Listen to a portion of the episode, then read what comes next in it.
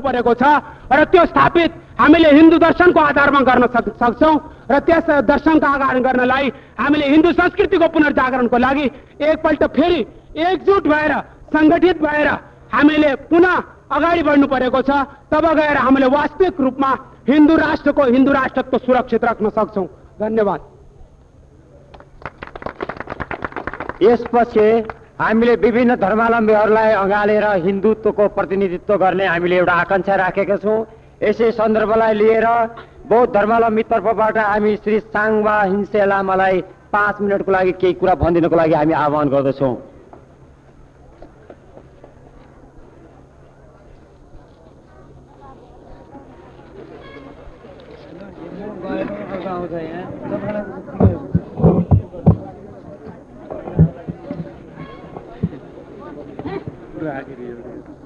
namo lama la kyabzu chiyo sanje la kyabzu chiyo chwe la kyabzu chiyo kendun la kyabzu chiyo namo lama la kyabzu chiyo sanje la kyabzu chiyo chwe la kyabzu chiyo kendun la kyabzu chiyo namo lama la kyabzu chiyo sanje la kyabzu chiyo chwe la kyabzu chiyo kendun la kyabzu chiyo namo lama bhane hamro guru guru om guru namo lama sangye bhane sangye bhane sangye bhane gautam buddha Buddha भगवान! अनि हिन्दी धर्म एउटै बादमा आउँछ धर्मगोला अनि नामो सङ्घे छे भन्ने हाम्रो किताब किताबहरू पढ्नेहरूलाई सबैले हो। धर्मको पछि किताब पढ्नेहरूलाई सबैले छे भन्छ। केन्दुन भन्ने के हो भने हामीहरू दाजुभाइ दिदी बहिनी नेपाली मान्छे सबै। यसलाई कोही पनि हामीहरूलाई दोष कोही पनि छैन। अनि शान्ति शान्ति शान्ति भने धर्म पनि त्यही हो। यसले हामी नेपाली भाषामा म राम्रो आउँदैन। जय नेपाल जय देश। यसपछि यहाँले धेरै लामो समय प्रतीक्षा गर्नुभयो। यो यस्तो वर्षा भइरहेछ त्यही पनि धैर्य साथ उभिदिनु भएकोमा हामी हार्दिक हार्दिक अभिवादन गर्दछौँ। अब यसपछि हाम्रा विद्वान योगी नरेन्द्रज्यूबाट केही शब्द के अरे प्रश्न पारिदिनु हुन म हार्दिक अनुरोध गर्दछु।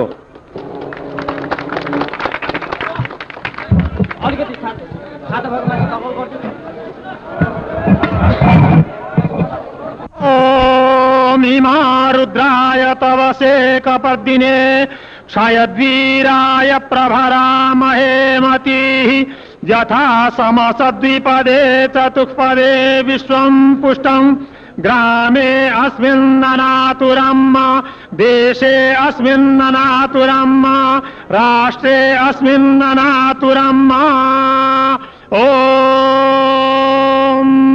आ ब्रह्मन् ब्राह्मणो ब्रह्मवतसी जायता महाराष्ट्रे राजन्यः शूरैकव्योतिव्याधि महारथो जायतां दोग्धीन बोढा नड्वानासो सप्तिः पुरञ्जिर्जोखा जिष्णुरथेष्ठाः सभेयो युवास्य यजमानस्य बीयो जायताम् निकामे निकामे नः पर्जन्यो वरेखतु फलवत्यो न। ओखधयः पच्यन्ताम् योगक्षेमो नः कल्पताम्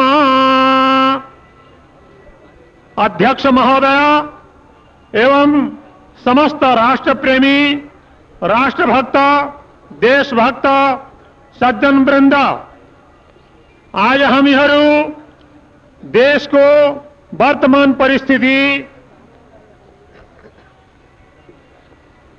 देशको वर्तमान परिस्थिति अनि देशका समस्याहरू विश्व हिन्दू संगठन आध्यात्मिक नेपाल हाम्रो राष्ट्रियता हाम्रो इतिहास र पुरातत्व अनि हाम्रो कर्तव्य के छ अनि सम्मति र विविध प्रसङ्गहरूलाई लिएर विचार विमर्श गर्न उपस्थित भएका छौँ र आजका आयोजकहरूले र, श्रोताहरूले मलाई यति विषयमा बोल्नु भनेर उभ्याउनु भएको वर्तमान परिस्थिति सबैले जानेकै विषय छ, भोगेको विषय छ, त्यो औल्याइरहनु पर्ने जस्तो मलाई लाग्दैन। वर्तमान परिस्थिति के प्रत्येक व्यक्ति व्यक्तिले भोगिरहेको छ, प्रत्येक व्यक्ति त्यसको अनुभव छ। चाहे सुखी होस्, चाहे दुखी होस्, सानो होस्, ठुलो होस् टाढा होस् निकट होस् त्यसले वर्तमान परिस्थितिको अनुभव अवश्यमै प्रत्यक्ष रूपमा गरिरहेको छ र त्यसलाई फेरि दोहोऱ्याइरहनु अनावश्यक देखिन्छ तर त्यसको उपाय अवश्य सोच्नुपर्छ। वर्तमान स्थितिलाई हामीहरूले उपेक्षा गर्नु हुँदैन र यो उपेक्षा गर्दाखेरिमा भोलिको दिन पनि भयङ्कर आउन सक्छ। अहिले जुन अवस्था छ यो अवस्थालाई यस्तै छोडिदिने हो उपेक्षा गर्ने हो भने भोलिको दिन कालो आउला भोलिको दिन दुखी आउला हो र भोलिको दिन भयङ्कर आउन सक्छ त्यस कारणले आजका परिस्थितिको अध्ययन गरेर यसका पृष्ठभूमिमा हामीले भोलिको निर्माण गर्नु छ भविष्यको निर्माण गर्नु छ योजनाहरू बनाउनु छ ती योजनाहरूलाई लागू गर्नु छ। यी विधि विधान र अध्यादेशहरू यी जति पनि हुन् यी सब भोलिका लागि हुन् आजका लागि मात्र होइनन्। त्यस कारणले वर्तमान परिस्थितिमाथि हामीले सिंहावलोकन अवश्य गर्नु पर्ला र गरेर अनि तिनको सदुपयोग गर्ने तिनबाट हामीहरूले शिक्षा लिने त्यसबाट हामीहरूले भविष्यको निर्माण गर्ने काम गर्नुपर्ने छ आज मेरा दृष्टिमा म एकचोटि चार वर्षपछि मेचीदेखि महाकाली घुमेर अस्ति मात्र आएको छु र देशको परिस्थिति के छ भन्ने कुरा सबैले भोगेको कुरा र सबैले कटु अनुभव गरेको कुरा मैले पनि देखेर आएँ मैले पनि भोगेर आएँ र मैले यहाँ पनि देख्दैछु र हेर्दैछु। यहाँको स्थिति पनि के छ? जस्तो आज यो सभाको एउटा यस्तो किसिमको सार्वजनिक सभा गर्ने हामीहरूको कुनै नगर भवन हुँदो हो यदि कुनै सभा भवन हुँदो हो जसमा सार्वजनिक सभा गर्ने दुई चार हजार दस हजार मानिसहरू बसेर हामीहरूले सभा गर्ने यदि कुनै पनि सुविधा सभा भवनको गरेको भएदेखि यो हिलोमा उभिएर छाता ओढेर पानीमा थियो यसरी हामीहरूले काठिएर बस्नुपर्ने थिएन। हामीहरूले सभाको शोभा हामीहरूले सभाको राम्रोसँग लाभ उठाउन सक्ने थियौँ।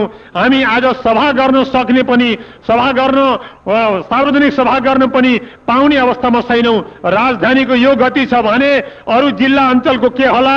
जेठा मामाको भाङ्राको धोती कान्छा मामाको कुन गति? अब सबभन्दा पहिले यही स्थिति आजको हेरौँ। यहाँ पनि पानी चुहेको छ र अरूलाई सबैलाई के अवस्था छ? यो हाम्रो स्थिति हो आजको। राजधानीको स्थिति हो काठमाडौँको स्थिति हो अरू मेची महाकालीको खोला नाला तर्ने बाटो छैन फड्के छैन लाभको छैन साङ्गु छैन कुनै पनि हामीहरूको यातायातको व्यवस्था छैन। मेचीदेखि काठमाडौँसम्म उनलाई धौधौ छ। काठमाडौँदेखि दुई सय एघार कोष महाकाली पुग्नुलाई कुनै बाटो छैन साङ्गु छैन कुनै पनि लाभको छैन फड्के छैन कुनै झुइन तुइन छैन झुलुङ्गा छैन। एउटा बाबियाको लडो बाँधिएको छ त्यो बाबियाको लडो चुडियो भने सबैले जानुपर्छ। पानीमा त्यस कारणले यो हाम्रो आजको यातायातको स्थिति छ। शिक्षाको स्थिति सबैले भोगेकै छ। शिक्षा जस्तो छ र यो शिक्षाले जे बनाएको छ यो शिक्षाले जस्ता जन्तु जन्माएको छ जस्तो किसिमको हामीहरूको आज विद्यार्थीको जीवन बर्बाद गर्दैछ अध्यापकको जीवन बर्बाद गर्दैछ र जनताको समाजको समस्त जीवन बर्बाद गर्दैछ राष्ट्रका जीवनमाथि कोठारा घात गर्दैछ। यो शिक्षाको वर्तमान स्थिति जस्तो छ त्यसको हामीहरूले कटु अनुभव गरिरहेका छौँ। यो पनि शोचनीय अवस्था छ र यो उपेक्षणीय छैन र त्याज्य छैन। यसलाई हेलाका दृष्टिले हेर्नुहुन्न। यो शिक्षाको अवस्था आज हेरिएन भने मैले त अघि नै भनेको हो यो शिक्षा लागू हुनुभन्दा पहिले नै यो शिक्षा अफाप हुन्छ। यो शिक्षा हाम्रो होइन यो हाम्रो माटो सुहाउँदो होइन हाम्रो देश सुहाउँदो होइन हाम्रो आकाशले सहँदैन हाम्रा पञ्चमहाभूतले यस शिक्षालाई सहँदैनन्। यो शिक्षा हाम्रो अनुकूल पर्दैन प्रतिकूल जान्छ यो सुल हुन्छ भुल हुन्छ भुलको सुधार गर्नुपर्छ सुधार गरेर मात्र लागू गर भनेर मैले पाँच प्रति शिक्षा विधानको संशोधन गरेर पाँच ठुल्ठुला ठाउँमा दिएको थियो। ठुल्ठुला अधिकारी ठाउँमा दिएको थियो। तर छ महिनापछि उत्तर पाइयो। प्रेस मिस्टेक प्रेसको भुल एउटा रेफको पनि सुधार नगरेर जस्ताको तस्तै लागू गर्नुपर्छ। कुनै पनि सुधार हुन सक्दैन भन्ने कोरा उत्तर पाएपछि अनि मैले विदेशतिर लाग्नु परेको थियो। यो शिक्षाले भुल गर्छ सुल गर्छ र बिगार्छ देशलाई देशमा अशान्ति ल्याउँछ अराजकता ल्याउँछ अव्यवस्था ल्याउँछ र यसले नराम्रो व्यवस्था ल्याउँछ। यो देशको समाजको स्थितिरीति बिगार्छ माता पिताहरूलाई दुखी गर्छ अभिभावकलाई दुःख दिन्छ यसले शिक्षकलाई दुःख दुःख दिन्छ शिक्षा विभागलाई दुःख दिन्छ र तलमाथि सबैलाई दुखी गर्छ। त्यस कारणले यो शिक्षा विद्यार्थीको जीवन बर्बाद गर्छ ज्ञानका ठाउँमा अज्ञान दिन्छ र उच्छृङ्खलता दिन्छ। देशले ज्ञान दिने होइन राष्ट्र राष्ट्रको निर्माण गर्ने होइन राष्ट्रियता यसमा ल्याउँदैन मानवता यसले ल्याउन सक्दैन यसमा कुनै पनि त्यस्तो तत्त्व छैन। त्यस कारणले यो अफाप हुन्छ। भनेको नमान्दा आजको यो नौ गते आयो दस गते आयो बिस गते आयो यस्ता गते आउँछन् फेरि पनि आउनेछन् जानेछन् यसले यही गति गरेको छ यो शिक्षाको वर्तमान स्थिति छ। अर्को थियो पञ्चायतको स्थिति। पञ्चायतको अवस्था ठिक छैन। पञ्चायती दर्शन अनुसार पञ्चायत चलेको छैन। पञ्चायती दर्शनलाई एकातिर थन्क्याएर एकातिर लत्याएर हुत्याएर यो पञ्चायत अर्कातिर जाँदैछ यो भुल गर्दैछ यो पञ्चायतलाई अहिले आमूल सुधार गर्नुपर्छ आमूल एक्कासी सुधार क्रमिक सुधार होइन एकैचोटि सुधार हुनुपर्छ एकैचोटि आमूल सुधार हुनुपर्छ र वैयक्तिक एवं भौगोलिक दुई प्रकारको दार्शनिक सुधार र व्यावहारिक सुधार दुवै प्रकारको एकैचोटि हुनुपर्छ। यो सुधार तुरन्त भएन भने यसले आफूलाई आफै ढाल्छ पञ्चायतमा पञ्चर हुनेछ यो ठिक छैन यसलाई सुधार भनेर महापञ्चहरूलाई पञ्चहरूलाई सबै पञ्चहरूलाई राखेर पञ्च पुस्तकालयमा आजदेखि पाँच छ वर्ष पहिले भनेको थियो। त्यसलाई पनि यो उपहास यो नचाहिने कुरा व्यवसायमा आइसकेको व्यवहारमा आएको जीवनमा आएको र पाठ्यक्रममा आइसकेको जनताका रग रगमा रु खुन खुनमा बुँद बुँदमा हाम्रा परमाणुमा घुसिसकेको केही पनि हुन्न भन्ने हामीहरूलाई विश्वास छ भनेर उत्तर पाइयो र उपहासमा गयो त्यो भनिएको सुधारको कुरा। त्यस कारणलाई मैले यहाँ यो पञ्चायती व्यवस्था टिक्न सक्दैन यो दुर्बल भइसक्यो ढल्छ। यो टोडको रुख भित्र सडेको यो रुख ढाल्ने भइसक्यो। त्यस कारणले यसको कल्याण छैन यसले देशको कल्याण पनि गर्न सक्दैन यसको सुधार यिनीहरू गर्ने भएनन्। यस कारणले यो अब ठाडो रहन सक्दैन भन्ने ठानेर मैले विदेशिनु अनिवार्य भएको थियो। र शिक्षा र पञ्चायती व्यवस्थाको सुधार गर्दैनौ भने तिमीहरूले यहाँ शान्ति स्थापित गर्न सक्दैनौ शान्ति पनि हुन सक्दैन विकास पनि हुन सक्दैन र देशमा विकासका ठाउँमा विनाश हुन्छ भन्ने त्यो ठपाइ सुनाएर अनि म विदेशतिर लागेको थिएँ। अहिले मलाई धेरै नै दुःख लाग्यो। यो दस गते आयो बिस गते आयो दस बिस गतेका बिचमा करोडौँ होइन अर्बौँको सम्पत्ति देशको नष्ट भयो। देशका सम्पूर्ण जङ्गल फाँडिए तराईको धापादेखि लिएर कैलाली कञ्चनपुरसम्मको झाडी जङ्गल त्यो चार कोषको होइन आठ कोषको अठार कोषको झाडी जङ्गल सबै फाँडियो। हात्ती विदेशतिर गए गैडा विदेशतिर गए गौरी गाई विदेशतिर गए सम्पूर्ण जीव जन्तुहरू विदेशतिर गए र काठ विदेशतिर गए औषधि जडीबुटीहरू विदेशतिर गए र अर्ब खर्बको सम्पत्ति विदेशतिर गयो। यहाँ केवल दङ्गा एउटा तिन चार वर्षपछि दाउरा बाल्नु नपाइने अवस्था। जङ्गलको भयो जङ्गल समाप्त भयो त्यस्तै गरी सम्पूर्ण सम्पत्ति खङ्गारियो। सम्पूर्ण सारा सञ्चय कोष समेत सारा कोष रित्तिए। सम्पूर्ण ठुल्ठुला कोषहरू रित्त भए। ती कोषहरूमा आयो पैसा छैन। कर्मचारीलाई दिने मासिक वेतन दिने पैसा छैन र मुलुकी कोषदेखि लिएर सबै कोष रित्ता भए र त्यसमा केवल दुई चार दिन एक दिन कागज छाप्ने भोलिपल्ट च्यात्ने कपडा छाप्ने निलो र पहेँलो कपडा छाप्ने र च्यात्ने कागज छाप्ने च्यात्ने काममा मात्र अर्ब खर्ब रुपियाँको नोक्सान भयो। त्यसको जनताको जीवन एक वर्षसम्म यो विकास ठप भयो विकासमा कुनै प्रकारको पनि प्रगति हुन सकेन। विकास पनि रोकियो र एकातिर शिक्षा पनि रोकियो। विद्यार्थीहरूको जीवन पनि बर्बाद भयो। विश्वविद्यालय विद्यालयहरू सबै रोकिए र अरू जनताका विकासका काम जनताका अध्ययनका काम कविहरूका कविता रोकिए। कविहरूको लेखनी चलेन। कविहरूका लेखनी ठप भए। लेखकहरूका लेख बन्द भए। रचनाकर्ताहरूका रचना रोकिए, अनुसन्धानकर्ताहरूका अनुसन्धान रोकिए, र जति जति काम थालिएका थिए, किसानहरूका खेती रोकिए, र जति जति काम थालिएका थिए सारा एकातिर थन्किए, केवल सबैले, लौ, कोही पहेँलो, कोही निलो, कोही हरियो, कोही कालो, कोही रातो, यस्ता किसिमका रङमा, रङ मङ्गिएर रनभुल्ल भएर कुहिराको काग भएर, हामीहरूले यो देशको बर्बाद र देशको नाश गर्नु पर्यो। को? लड्ने को? भाइ भाइ लड्ने को बाबु र छोरा लड्ने को आमा र छोरी लड्ने को घरको परिवार। फुट डालो राज करो भन्ने नीतिले यो हाम्रो द्वार बर्बाद गर्यो। बाहिरबाट आगन्तुक यस नीतिले हाम्रो सर्वनाश गर्यो। यसबाट हाम्रो कल्याण हुन सक्दैन। बान्दरको बाँदरलाई एउटा न्यायाधीश बनायो भने त्यसले तराजु लिन्छ र यताको रोटी र उताको रोटी दुवैतिर खाएर अन्तमा ज्याला पनि खाइदिन्छ। दुवै बिराला रित्तै जान्छन्। त्यस्तो बन्दर बाँट गर्दाखेरिमा हामीहरूको यो गति भयो। यो हामीहरूले सबै प्रत्यक्ष भएका छौँ। अङ्ग्रेजहरूले दिएका थिए फुट डालो राज करो भन्ने मन्त्र। त्यो मन्त्र दिएको पचास वर्ष हुनु- हुनुभन्दा पहिले तिनीहरूले बोरिया बिस्तर बाँधेर जानु पर्यो फुट डालो राज करो भन्ने नीति भाइ भाइमा फुट गर्ने विद्यार्थी विद्यार्थीमा फुट गर्ने समाजमा फुट गर्ने घर घरमा फुट गर्ने दल दलमा फुट गर्ने एक देशमा फुट पार्ने जुन नीति हो त्यो नीति बाहिरबाट आएको हो। हाम्रो घरको उपज होइन पञ्चायती दर्शनको सूत्र होइन पञ्चायती दर्शनको निर्देश होइन। त्यो बाहिरबाट आएको चिज हो बाहिरबाट आएको अङ्ग्रेजहरूले दिएको मन्त्र हो। त्यो मन्त्रले अङ्ग्रेजहरूलाई पनि पचास वर्ष खप्न दिएन बस्न दिएन। र अङ्ग्रेजहरूले पनि पचास वर्षभित्रै बोरिया बिस्तर बाँधेर जानु पर्यो। जबसम्म त्यो फुट डालो राज करो भन्ने मन्त्रको अर्थ लागेन। तबसम्म केही अल्मलिए मानिसहरू यताउता अल्मलिए कसैले लिग स्थापना गरे कसैले समाज स्थापना गरे कसैले सभा स्थापना गरे अठार सय सन्ताउन्नसम्म सन् अठार सय सन्ताउन्नसम्म कुनै पनि ऊ थिएन संस्था थिएन।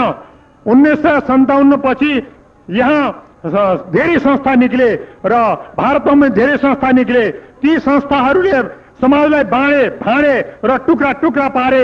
चकनाचुर पारे भाइ फुटे गँवार लुटे गर्ने भयो र त्यही चिज हाम्रो यता पनि सर्यो र नाना प्रकारका भाँड भैलो नाना प्रकारका नारा नाना प्रकारका झन्डा नाना प्रकारका विधान नाना प्रकारका गुट नाना प्रकारका फुट नाना प्रकारका लुट मचिए र तिनले गर्दाखेरिमा हाम्रो देश जर्जर भयो हाम्रो समाज जर्जर भयो भारत पनि जर्जर भयो नेपाल पनि जर्जर भयो र त्यो जर्जरित समाजले कुनै पनि विकास गर्न सकेन र जुन बेला सम्झे बुझे जब सम्झे तिनीहरूले कि यो अब फुटले हाम्रो कल्याण छैन आपसमा हामीलाई फोड्नलाई हामीलाई चकनाचुर गर्नलाई महान शक्तिलाई सङ्घ शक्तिलाई चकनाचुर पारेर यो हामीहरूको नाश गरेर हामीमाथि घोडा चढ्नलाई हामीलाई गधा बनाएर जोत्नलाई हामीलाई कुकुर बनाएर आफ्ना ढोका कुर्ने बनाउनलाई हामीहरूको दास्य हामीहरूको कमारापन हाम्रो दासतालाई लिएर यिनीहरूले लाभ उठाउने भए भन्ने जब सोचे जब विचारे जब होस आयो आँखा खुले त्यो बेलामा दूर हटो रे दुनिया वाले हिन्दुस्तान हमारा है भन्ने हिन्दुस्तानमा नारा लाग्यो र हाम्रो हो हामी अरूका अधीनमा रहन चाहन्नौ दूर हटो भागो भागी जाऊ तिमीहरू बाह्र हट दूर हट जाऊ समुद्र पारी जताबाट आयो उताबाट जाऊ भन्ने त्यस्तो किसिमको एउटा नारा लाग्यो र त्यो नाराले यो त्यो नाराले अनि संगठन आयो जनतामा आएका संगठनले स्वतन्त्रता पायो। त्यो स्वतन्त्रताले आज भारत पनि केही सास फेर्दैछ। त्यस्तै हाम्रा देशमा पनि फुट डालो राज करो भनेर नाना प्रकारका दल दल अनेक प्रकारका झन्डा अनेक प्रकारका नारा अनेक प्रकारका विधान र अनेक प्रकारका लेबिल अनेक प्रकारका नेता अनेक प्रकारका मञ्च हुँदाखेरिमा सन्चो भएन देशलाई। समाजलाई सन्चो भएन। यो नाना प्रकारका मञ्च र नाना प्रकारका नारावादीले नारावादी मुर्दाबाद र जिन्दाबादका ये मुर्दा बनाउने देशलाई समाजलाई मुर्दा बनाउने नाराहरूले कल्याण गर्न सक्दैनन्। यो एक वर्षको कटु अनुभव अनुभवले एक वर्षमा कति करोड, कति अरब हाम्रो खर्च भयो, हाम्रो जीवनको कति अमूल्य समय नष्ट भयो, त्यसमा विकास के के भयो? विकासको मूल नारा एकातिर थन्कियो। देशमा शान्ति भन्ने चिज शान्ति क्षेत्र घोषित गर्ने चिज देशमा शान्ति सुरक्षित राख्ने चिज। कतातिर गयो र त्यो शान्तिका ठाउँमा कस्तो अशान्ति आयो र एक घरमा दुई भाइ दुई भाइ दुईतिर जाने तिन भाइ तिनतिर जाने चार छजना छन् छजना परिवार छवटा पार्टीमा जाने छ प्रकारका उसमा मञ्चमा जाने भएर यो अवस्था आयो आज। आज पनि अझ पनि बिस गते पछि पनि सन्चो छैन। अब यस्तो चालले हाम्रो कल्याण छैन। अब हामीहरूले एक मञ्चमा आउनुपर्छ एक झन्डामा आउनुपर्छ एक नारामा आउनुपर्छ एक विधि विधानमा आउनुपर्छ एक समन्वयमा आउनुपर्छ। भगवान वेद भन्छ संसारको विधान सम्पूर्ण संसारका मानव जातिको एउटा यो साझो विधान वेद भन्छ सङ्गतध्वम सम्बद्धम समगो मनम सुजानताम। पहिले धर्म ज्ञान कर्म ज्ञान ब्रह्म ज्ञान तिनैको उपदेश दिइसकेपछि अनि अन्तमा गएर वेदले अनुशासन गर्छ। ए मानव सङ्गठध्वम सङ्गति गर सङ्गठन गर। एक ठाउँमा आऊ एक मञ्चमा आऊ एक छत्र छायामा आऊ एकतामा आऊ एकता केन्द्रबिन्दुमा आऊ।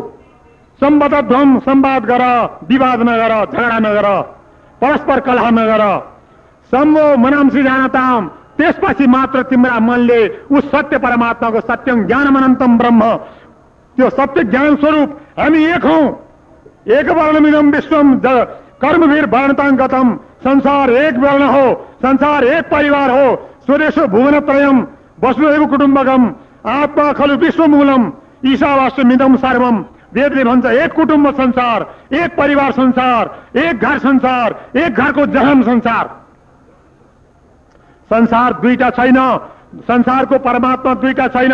संसारको ईश्वर दुईटा छैनन्। संसारका सृष्टि स्थितिकर्ता दुईटा छैनन्। एकेश्वरवाद छ एउटै ईश्वर छ एउटा ईश्वर बाबुका सन्तान संसार सम्पूर्ण संसारमा एउटै परिवार हो। माता छ पार्वती देवी पिता देवो महेश्वर बान्धा मानवा सर्वे स्वदेशो भुवन त्रयम माता पिता माधव माधव पार्वती र हामी मानवहरू मनुका सन्तति मनुबाट हामीहरू मानव सम्पूर्ण। मानव नभन्ने कोही पनि छैन। आफूलाई म दानव हुँ भनेर कसैले पनि आयो। आ, सात आठ अरब मान्छे मन- मान्छेमा कोही पनि आफूलाई दानव भन्न तयार छैन। सबै हामी मानव भन्छन्। मानव भन्ने मानव शब्दको अर्थ हुन्छ मनुका सन्तान मनुका सन्तति मनुका अनुयायीहरू मनुका रक्त मनुका रक्तबिन्दुहरू। यो मानव भन्छन् मनुबाट मनुका सन्तति एउटा मानव हुन् भने तिनीहरूले वसुदेव कुटुम्बकम सम्पूर्ण संसारलाई विश्वलाई एउटा कुटुम्ब बनाउनुपर्छ एउटा परिवार बनाउनुपर्छ एक परिवारका सन्तान एक परिवारका जहानले शान्तिपूर्वक घरमा रहनुपर्छ हाम्रो हिमाली प्रदेश हाम्रो हिमाली देश हिमाल हाम्रो धुरी छ तराई हाम्रो जग छ र बहत्तर हज चौध अञ्चलका चौधवटा आँखा छन् पचहत्तर जिल्लाका पचहत्तर कोठा छन्। पचहत्तर कोठामा बस्ने हामी डेढ करोड अथवा सवा करोड जति नेपाली छौँ र विश्वमा बसेका पचासी करोड हिन्दू जाति छन् र विश्वमा बसेका तीन अरब भन्दा बढी बौद्धहरू छन्। बुद्ध भगवान नेपाली नेपालको सपुत एक भगवान बुद्ध। भगवान बुद्धले लुम्बिनी अञ्चलमा लुम्बिनी ग्राममा जन्म लिएको शाक्य वंशमा गौतम गोत्रमा। गौतम गोत्र र शाक्य वंश अहिन्दू होइन अनेपाली होइन अनार्य होइन बाहिरको विदेशी होइन विजाति होइन। त्यस्तै जस्तो एकातिर जनक छ उतातिर विश्व उतातिर विश्वको शान्तिको अग्रदूत बुद्ध भगवान दायाँतिर छ। जनक र बुद्धले यी दुईटाले शान्ति र सन्देश अध्यात्मवादको सन्देश दिने यस देशमा हामी आपसमा लड्छौँ मर्छौँ काटिन्छौँ बाँचिन्छौँ र एउटाले अर्कालाई मुर्दाबाद एउटाले अर्काको पुतला जलाउने एउटाले अर्काको लास जलाउने एउटाले अर्कामाथि फलामे हात चलाउने एउटाले अर्कामाथि दमन चक्र चलाउने एउटाले अर्कालाई जिते भनेर घमण्ड गर्ने एउटाले अर्कालाई च्यालेन्ज दिने एउटाले अर्कालाई कुनै घमण्ड गरेर होच्याउन खोज्ने थिचो मिचो गर्न खोज्ने यो अज्ञान कहाँबाट आयो? यो कसले दियो? कुन फटाले सिकायो? यस्ता किसिमका फटालाई हामीहरूले अहिले पनि चिन्न सकेका छैनौँ। बाहिरबाट आएका फटाहाले बाहिरबाट आएका कुनै पनि फुट डालो राज गरौ भन्ने कुनै पनि फटाहा तत्त्वले हामी घरका भाइलाई घरका परिवारलाई घरका जहानलाई फटाएर चक्राचुर पारेर यदि कसैले आफ्नो दलाली गर्छ भने दलाली गर्न खोज्छ भने आफ्नो दमन चक्र चलाउनु पर्छ खोज्छ भने हामीले चिन्नुपर्छ हामीले जान्नुपर्छ। दुई चार कौडीका भरमा दुई चार खोस्टाका भरमा दुई चार कपका भरमा दुई चार प्रलोभनका भरमा हामीले आफ्नो देश बिर्सनुहुन्न जाति बिर्सनुहुन्न धर्म बिर्सनुहुन्न आफ्नो परिवार बिर्सनुहुन्न र आफ्नो कर्तव्य बिर्सनुहुन्न आफ्नो एकता बिर्सनुहुन्न एकताको केन्द्रबिन्दु बुझ्नुहुन्छ। यो के देश हो? कुन देश हो यो? यस देशले के गरेको थियो? यस देशको आदर्श के हो? यस देशका मनुले के भनेका थिए? मनुको राजधानी मानवी चौध अञ्चलमा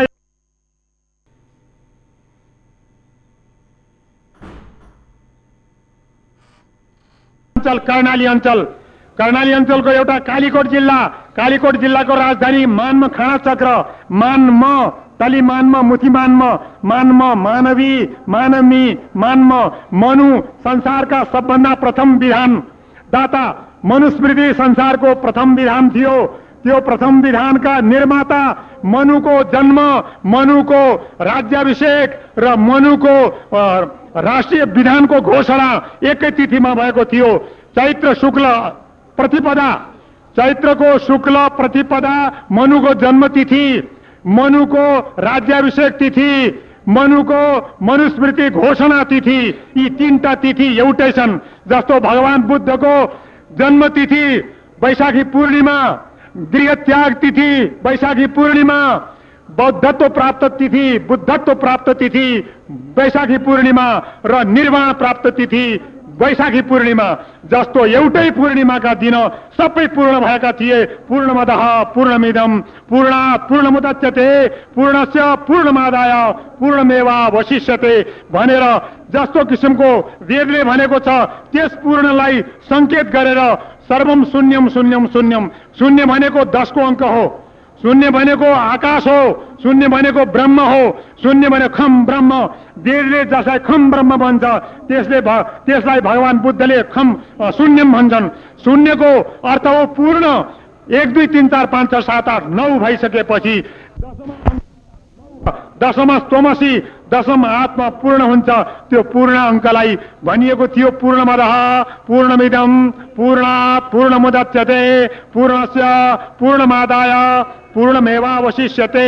त्यसै पूर्णलाई लिएर विवेकानन्दले अमेरिकामा तिन मिनट पूर्णको त्यो शून्यका बारेमा केही भन् गुलाम देशको मान्छे त भनेर होच्याएर अन्तमा दिएको त्यो वक्तव्य विषय त्यसलाई त्यो पूर्णमद पूर्णमिदम पूर्ण पूर्ण पूर्णमदच्यते पूर्णस्य पूर्णमादाय पूर्णमेवा अवशिष्यते भनेर सम्पूर्ण वेद उपनिषदको सार गीताको सार लिएर विवेकानन्दले सम्पूर्ण अज्ञानीहरूलाई भौतिकवादमा ध्रुवलिएका भौतिकवादमा रनबुल्ल भएका कागका कुहिराका काग भएकालाई गीताका ज्ञानले सबैलाई अनुयायी बनाएर पछाडि पछाडि दौड्ने कृष्णका पछाडि गोप गोपीहरू जसरी वृन्दावनमा दौड्थे त्यो अवस्था बनाएर अमेरिकामा भारत के हो भारतवर्ष के हो भारतवर्षको भारत स्थल नेपाल के हो र गीता के हो भन्ने कुरा देखाइदिए त्यो एउटा शून्य थियो पूर्ण थियो। जुन शून्यको सङ्केत भगवान् बुद्धले गरे जुन शून्यको सङ्केत भगवान् वेदले गरेको छ खम ब्रह्म भनेर त्यो खम ब्रह्म कम ब्रह्म भन्ने त्यो शून्यको ज्ञान भएपछि अनि हामीहरूलाई थाहा हुन्छ हामी के हौँ हाम्रो पूर्णता कहाँ छ हामीहरू कुन पूर्णतामा बाँचेका कुन पूर्णतामा जन्मेका त्यो मानु मनुको एतद्देश प्रसुतस्य सकाशा दग्ध जन्मन स्वम स्वम चरित्रम शिक्षरन पृथ्व्याम सर्वमानव भनेर पृथ्वीका समस्त मानव जातिलाई घोषणा गरेर शिक्षा दीक्षा लिन यहाँ आउनु। तिमीलाई मानवताको शिक्षा जातीय चरित्रको शिक्षा राष्ट्रिय चरित्रको शिक्षा सम्पूर्ण संसारको शिक्षा दीक्षाको केन्द्र यो हो। यहाँ आएर तिमीहरूले शिक्षा दीक्षा लिएर जानु भनेर आफ्ना सन्ततिलाई संसारमा फैलेका सन्ततिलाई संसारका चक्रवर्ती मनुले यस देशबाट घोषणा गरेका थिए। त्यो घोषणा गर्ने देश आज बाहिरबाट ल्याउँछ भात बाहिरबाट ल्याउँछ अर्ती बाहिरबाट ल्याउँछ चामल बाहिरबाट ल्याउँछ आश्वासन बाहिरबाट ल्याउँछ कुनै प्रकारका दलाल भने त्यसको अस्तित्व जान्छ त्यसको सिर झुक्छ त्यसको नाक काटिन्छ र त्यसको आत्मघात हुन्छ आत्महत्या हुन्छ। हामीले बाहिरबाट कुनै चिज लिनु पर्दैन। खाँचो छैन हाम्रा घरमा केही कमी छैन। कुनै वस्तुको नौली छैन कुनै वस्तुको कमी छैन। कुनै वस्तुको यहाँ ऋतुपन छैन। सबै चिज छ। त्यो चिज हामीले खोज्नु पर्यो तद्विधि प्रणिपातेन परिप्रश्न सेवया उपदेश सन्तित ज्ञानम ज्ञानिन तत्वदर्शिन तत्वदर्शी ज्ञानीहरू यहाँ छन् हाम्रै घरमा छन् हाम्रा गाउँमा छन् हाम्रा जिल्लामा छन् हाम्रा अञ्चलमा छन् हाम्रा देशमा छन् हाम्रा राष्ट्रमा छन् यो सर्वतन्त्र स्वतन्त्र धर्म सापेक्ष वैदिक सनातन हिन्दू धर्म सापेक्ष घोषित विधानतः घोषित हिन्दू राष्ट्र हो यो भ्रान्ति होइन कसैको प्रशासनिक इकाइ होइन कसैको प्रशासनिक इकाइ कसैले ठानेको छ सम्झेको छ भने त्यसले भुल गर्छ। त्यसले भुल त्यसले भुल पनि गर्छ जानिकन गर्छ भने जानी जानिकन त्यसले बुझ पचाएर ज्ञानको हत्या गर्छ ज्ञान पापी बन्छ बुझ पचाउँछ बुझ पचाउँछ भन्ने त्यसले समाज बचाउन सक्दैन। त्यसले हाम्रो अस्तित्व बचाउन सक्दैन। त्यस्ता भुलमा हामीहरूले लाग्नु हुँदैन। राम्रोसँग हामीहरूले सोच्नुपर्छ। हामी के? हाम्रो कर्तव्य के? अध्यात्म नेपाल हेर्नुहोस्। हिमावत खण्ड हेर्नुहोस्। जयस्थिति मल्लको स्थिति के थियो? महेन्द्र मल्लको स्थिति के थियो? राम शाहको स्थिति के थियो? पृथ्वीनारायण शाहको अर्थी के थियो? पृथ्वीनारायण शाह बाहन्न वर्षसम्म तपस्या गरेर बाहन्न बाहन्न लाख गोर्खालीको एकत्व गरेर बाहन्न वर्षका अवस्थामा बाहन्न लडाईँको विजय प्राप्त गरेर अनि बाहन्न वर्षको अवस्थामा स्वर्गारोहण गर्ने बेला के भनेर गएको छ? चार जात छत्तिस फुलबारी यो मेरा सारा दुःखले आर्जको मुलुक होइन सबै जातको फुलबारी हो भनेर प्रजातन्त्रको सम्पूर्ण अधिकार। दिएर कालुपाणे प्रधानमन्त्री कालुपाणेलाई जनताको प्रतिनिधि जनताले चुनेको जनताले छानेको मेरो विराज विचारता विराज बखेतीलाई कजाइन दिन आँट्याएको थियो तर ज्यादा बुद्धि कालु पानेले ठहरेर सबै जनताले पनि कालु पानेलाई कजाइन दिनु भया हामी दुनियाँदारमा रहँदो भन्ने सल्लाह दिया भनेर जनताले दिएको सल्लाह अनुसार कालु पानेले प्रधानमन्त्री बनाएर कालु पानेका प्रधानमन्त्रीका सहायतामा कालु पानेका सल्लाहमा कालु पानेले समस्त जनताको सम्मति र सल्लाह लिने कालु जनप्रतिनिधिले अनि सल्लाह दिएर राजालाई ठिक ठिक मार्गमा चलाउने प्रजातन्त्रको जुन आधारमा यो राष्ट्रको निर्माण भएको थियो एक सय छैसठी टुक्राहरू जोडिएर एउटा महान राष्ट्रको रूप धारण गरेको थियो त्यो बेलझुन्डी बेल बेलकोट त्यो बेलकोटले दिएको छ आयो सन्देश। नुवाकोटको बेलकोट भन्छ रे कि बेलकोटमा एकजनाले भुल गरेको थियो।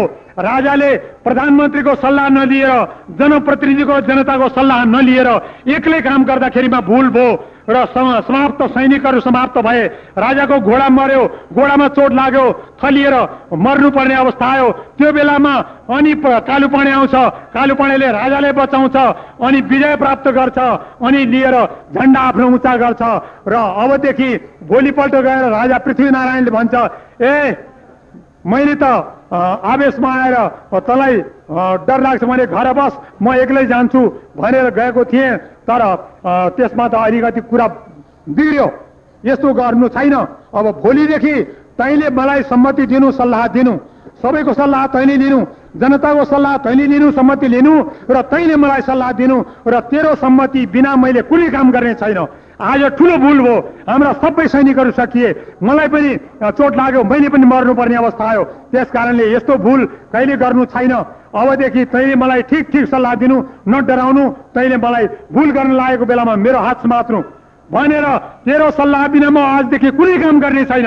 भनेर प्रतिज्ञा गरेर भोलिदेखि चलेको हुनाले पृथ्वीनारायण शाह यो राष्ट्रिय एकता गर्न समर्थ भएर राष्ट्रिय एकताका नायक बन्न सके। त्यो हामीले इतिहास बिर्सनु हुँदैन। पृथ्वीनारायणलाई बिर्सनु हुँदैन। पृथ्वीनारायणको प्रजातन्त्र बिर्सनु हुँदैन। सबै जातको फुलबारी हो। सबै जातको फुलबारीमा सबैलाई चेतना भए आफ्ना कुला धर्म नछोड्नु भन्ने कुल धर्म छोडेर हामी ठुला हुँदैनौँ। कुल धर्मलाई भुलेर हामी ठुला हुँदैनौँ। देश धर्म जाति धर्म कुल धर्म छोडेर हामी शिर ठाडो गर्न सक्दैनौँ। विदेशको देश विदेशको अर्थी विदेशको सामल विदेशको हामीहरू वाद र विदेशका नारा र विदेशको विधान लिएर विदेशको शिक्षा नीति लिएर हामी शिर ठाडो राख्न सक्दैनौँ। हाम्रो शिक्षा नीति हाम्रो माटो के भन्छ? हाम्रो जनता के भन्छ? हाम्रो हृदय के भन्छ र हाम्रो भविष्य के भन्छ त्यसलाई सोधेर वर्तमान परिस्थितिको राम्रोसँग अध्ययन गरेर त्यसलाई भोलिको योजना बनाउने अनि भोलिका योजना अनुसार हामीले परसम्म चल्ने त्यो काम गर्नु पर्नेमा हाम्रो आज वर्तमान खुइलिएको छ खलबलिएको छ रङमङ्गिएको छ जता भत्यो उतै दैलो लथालिङ्ग देशे भत्ताभङ्ग चाला भएको छ। यो चाला राम्रो छैन यसको भोलि राम्रो छैन। भोलि कालो आउँदैछ त्यस कारणले सावधान ठुला साना सबै सावधान हुनु पर्यो। अहिले हामीले आँखा खोल्नु पर्यो। आँखा खोल्ने होइन र वर्तमान परिस्थितिलाई उपेक्षा गरेर हेर्ने हो। चल्ता है चलो चल्ता है भनेर हचुवामा चलाउने हो भने चल्दैन। यस्तो चालले चल्दैन। पञ्चायतले आँखा खोलिसक्यो होला। पञ्चायतले हेरिसक्यो होला। यसै पञ्चायतभित्र पञ्चायती पाठ्यक्रम भइसके पनि पञ्चायती दर्शन चलेको आज बिस वर्ष भइसक्दा पनि पञ्चायती व्यवस्थाले कसरी लडखडिनु पर्यो पञ्चायती व्यवस्थाका नायिकाहरूले पञ्चायतका महापञ्च भन्ने ठेकेदारहरूले स्वयं घोषित नायिकाहरूले जनताले मानोस् नमानोस् कसैले टिको लगाइदिएका गाउँ फर्कले खाउँ फर्कले टिको लगाइदिएका र टिकट दिएका भरमा बनेका पञ्चहरूले आफूलाई कहाँ खाने कहाँ उभ्याए कहाँ राखे आज दस गतेदेखि बिस गतेभित्र उनीहरूका खुट्टा कतिका दरा थिए। उनीहरूको मुटु कतिको दरो थियो। उनीहरूका लास र पुतला कहाँ कहाँ पोलिए? उनीहरूले कहाँ कहाँ गएर के के गर्न सके? देशका गाउँसभा कति गर्न सके?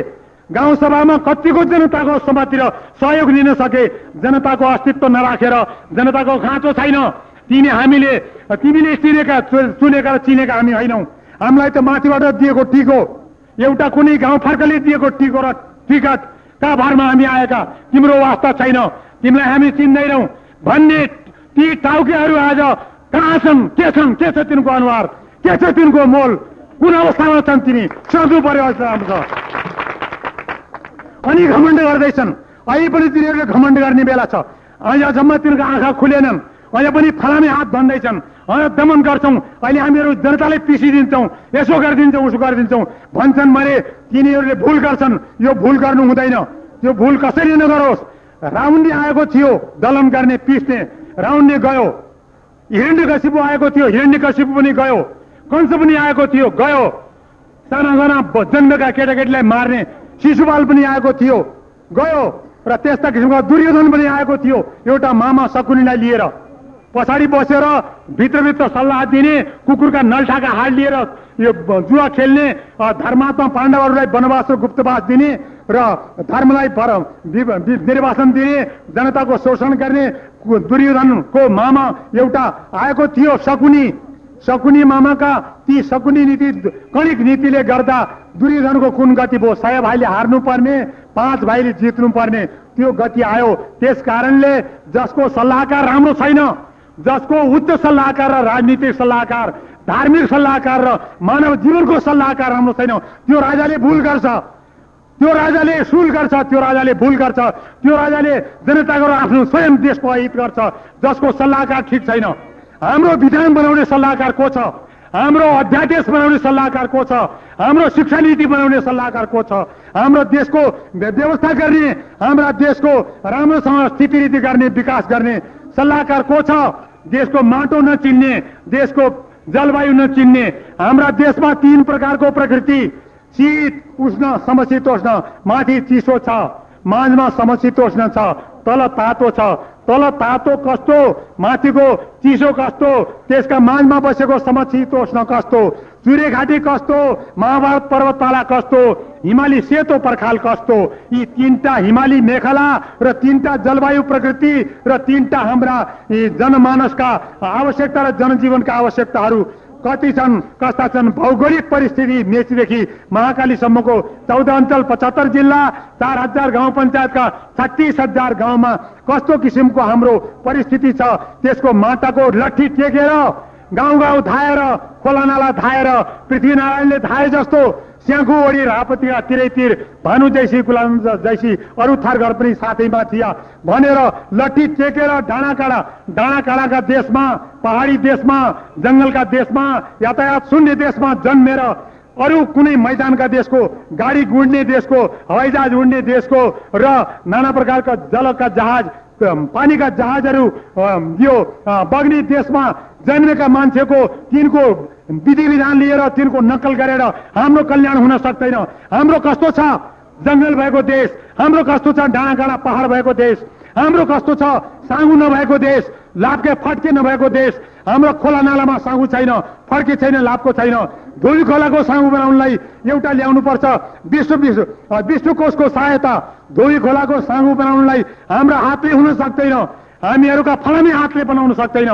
धोबी खाला खोलाको र यो टुकु टुकुचाको साँगु बनाउनलाई जब हामीले अरूलाई गुहार्नु पर्छ र मितेरी साँगुलाई हामीले मितलाई गुहार्नु पर्छ भने हामी भन्छौँ घमण्ड गर्छौँ। हामी यस्ता र उस्ता भनेर।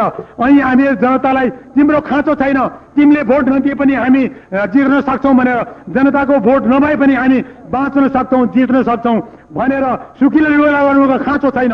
सुकिला लुगा हामीलाई चाहिन्छन् हामी गरिबहरूको परको भोट लिएर मात्र बाँच्न सक्छौँ भन्ने घमण्ड गर्ने ती कति भुल गर्ने नायक हुन्। त्यस्ता नायकले देशको लायक काम गर्छन् कि नलायक काम गर्छन् त्यो हामीहरूले चिन्नुपर्छ।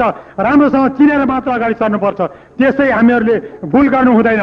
ती दुई चार दिनका कसैले टिको लगाइदिएका कसैले मनोनित गरिदिएका कसैले टिकट दिएका भरमा जनतालाई भुलेर जनताको उपेक्षा गरेर जनता चाहिन्न हामीलाई जनताको भोट पनि चाहिन्न जनताको समर्थन चाहिन्न जनताको पृष्ठपोषण चाहिन्न कोही पनि चाहिन्न। हामी परिपूर्ण छौँ। हामीलाई माथिबाट छ। माथिबाट छत्र छाया छ भन्नेहरूले सोच्नुपर्छ। माथिबाट असिना आउँछन् पसिना आउँछन्। तलबाट आएका अङ्कुरले तल पृथ्वीबाट आएका अङ्कुरले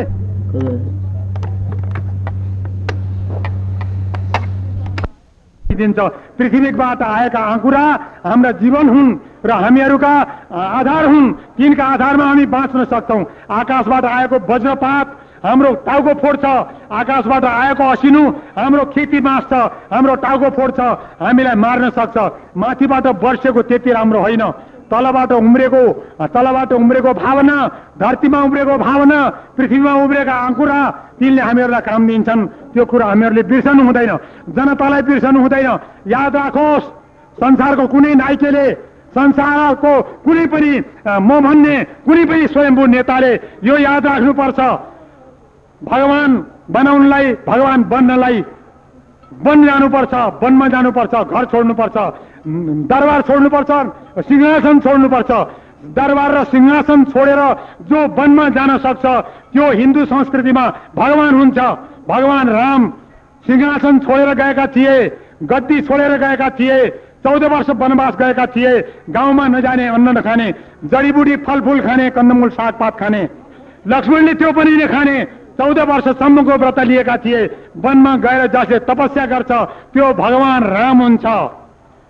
जो जङ्गलमा गएर तपस्या गर्छ बोधि वृक्षका मुन्तिर गएर पिपलका मुन्तिर गएर जसले तपस्या गर्छ जसले सिंहासन छोड्छ जसले दरबार छोड्छ त्यो भगवान बुद्ध हुन्छ।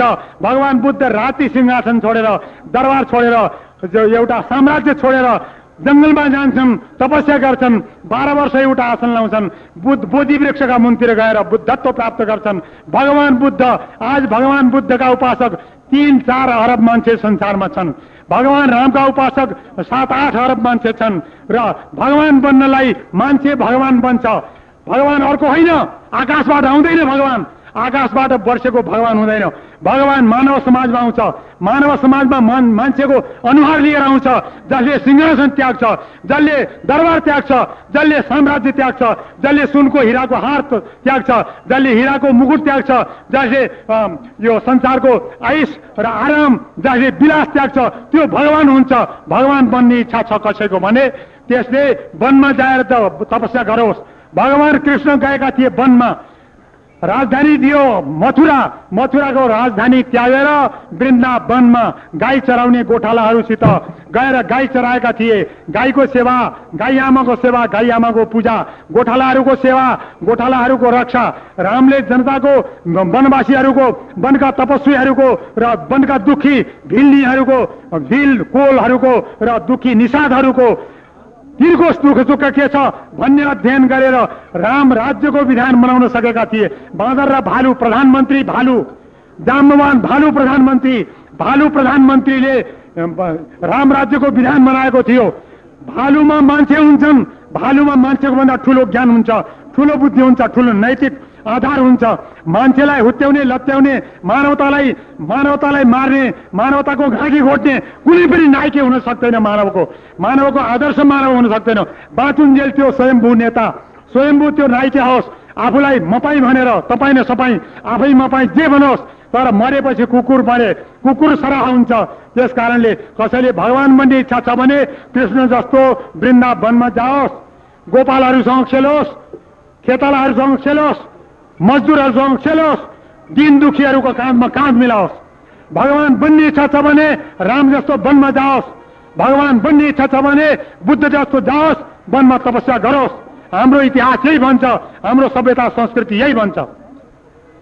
यदि कसैले नेता बन्ने इच्छा छ महामानव बन्ने इच्छा छ संसारको आदर्श बन्ने इच्छा छ भने त्यसले गाउँमा जानुपर्छ। गान्धीले महात्मा गान्धीले गाउँ चलो गाँव में भारत की आत्मा है।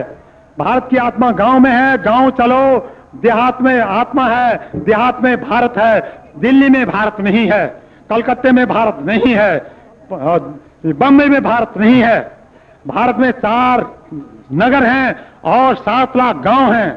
चार की अपेक्षा सात लाख अधिक हैं, जनसंख्या अधिक है वैदिक सभ्यता, गाँव की सभ्यता है। इमा रुद्राय तवश्य प्रतिने ग्रामे अस्मिन्ननातुरम भारत की आत्मा गाँव में है, गाँव चलो। भनेर दिएको नारा नेपालमा गाउँ फ़र्क भनेर आयो। गाउँ चलो भन्ने नारा, अनुवाद गरेर गाउँ फ़र्क भन्ने आयो। गाउँ फर्कले त्यो गाउँमा जाने, लट्ठी टेकेर एउटा खद्दरको चद्दर ओढेर, चार पैसाको चप्पल लगाएर, एउटा तिन पैसाको, एक पैसाको लट्ठी टेकेर गाउँमा जाने महात्मा गान्धी बापू गान्धी बाबु गान्धी राष्ट्रपिता गान्धी राष्ट्रनायक गान्धी गान्धी गीता अठार अध्याय कृष्णको गीता जस्तो गान्धी गीता आज भारतको राष्ट्रपिता महामानव गान्धी कुनै पार्टीको नेता होइन कुनै दलको नेता होइन मानवको नेता सम्पूर्ण जनताको नायक सम्पूर्ण भारतका सात लाख गाउँको र चालिस करोड मान्छेको नायके त्यो महात्मा गान्धी महामानव बन्यो नायक बन्यो राष्ट्रिय एकता गर्यो दूर हटो रे दुनियाँ वाले हिन्दुस्तान हमारा है भन्ने नारा दिन सक्यो। महात्मा गान्धी जस्तै एउटा थियो नायक नेता सुभाष चन्द्र। सुभाष चन्द्रले गभर्नर बनाएका थिए विरोधी गोराहरूले काला नीति भएका गोराहरूले गौरवपूर्ण गौरव दिएर गभर्नर बनाएका थिए। तँलाई हामी गौरव बनाउँछौँ गभर्नर बनाउँछौँ। आ छोडिदे भनेर गरेको थियो। तर तेरो गौरव तेरो गौरव पद तेरो गभर्नर पद मलाई थुक छ। मलाई लत्याउँछु हुत्याउँछु। तेरो कुकुरको विष्टासरी छ। चाहिन्न मलाई मेरा देशको सेवा। मेरा भगवान् जुन देशमा जन्मेका थिए मेरो जनता जनार्दन जुन देशमा दुखी छ त्यो देशको धुलो माटो त्यो देशको जेल मलाई स्वर्ग छ। तेरो सिंहासन मलाई चाहिएन। ला भनेर थुकेर फालिदिए। अमरसिंह थापाले तँलाई म राज्य दिन्छु। म तँलाई मेचीदेखि काङ्ग्रासम्मको राज्य दिन्छु। त छोडिदे काठमाडौँतिरको। तैँले नाइट त्यो नातो छोडिदिनुपर्छ। त स्वतन्त्रताको राजा बन भनेर राजा अमरसिंहलाई लोभन दिएको प्रलोभन दिएको थियो। त्यो दिएको त्यो दानपत्रलाई च्यातेर सभामा थुइए थुकेर लत्याएर पर फालेर अमरसिंह आज विभूति राष्ट्र विभूति बनेको छ। महामानव बन्नलाई त्याग गर्नुपर्छ। त्यागी महामानव हुन सक्छ। लोभी हुन सक्दैन। लोभी र पापीले महामानव बन्ने नेता बन्ने नायक बन्ने अधिकार छैन। देशमा नायके बन्नलाई पदको त्याग गर्नुपर्छ धनको त्याग गर्नुपर्छ मानको त्याग गर्नुपर्छ कुनै प्रलोभनको त्याग गर्नुपर्छ। अनि मात्र महामानव न्याय नायके बन्न पाइन्छ त्यसै बन्न पाइन्न। आफै घोषित स्वयं घोषित नायके हुँदैन हुन सक्दैन जनताले बनाउँछ। जनताले जानेको छ। जनता जनार्दनले जानेको छ। जनता जनार्दन राजहंस हो। त्यसलाई दुध र पानी छान्ने विवेक छ। न्याय गर्ने अधिकार छ। दुधको दुध पानी गर्ने अधिकार छ ज्ञान छ। र त्यसका पासमा भण्डार छ विवेकको विवेकको धनी जनता हो। विधान जनताले बनाउँछ। जनताले विधान बनाउँछ। जनताले पदवी दिन्छ। माथिबाट दिएका पदवी गोर्खा दक्षिण बाहु काम लाग्दैनन्। कसैलाई दिएको पिएचडी काम लाग्दैन कसैलाई दिएको डाक्टरी काम लाग्दैन त्यो घरको मात्र हुन्छ दुई जनालाई मात्र हुन्छ माथिबाट आएको काम लाग्दैन जनताले दिएको काम लाग्छ। रघुवीर जनताको नाम हो। रघु भन्ने दुई अक्षरको नाम थियो। रघुका अगाडि वीर नाम शब्द वीर थप्ने जनता हो। चार दिशा दिग्विजय गरेर आएर स धर्म विजयी राजा धर्म विजय गरेर आइसकेपछि अनि रघुवीर भनेर स विश्वजिती यज्ञ। विश्वजित यज्ञमा रघुवीर भनेर जनताले दिएको नाम हो वीर। वीर विक्रमादित्य विक्रमलाई आदित्य वीर शब्द जनताले दिएको हो।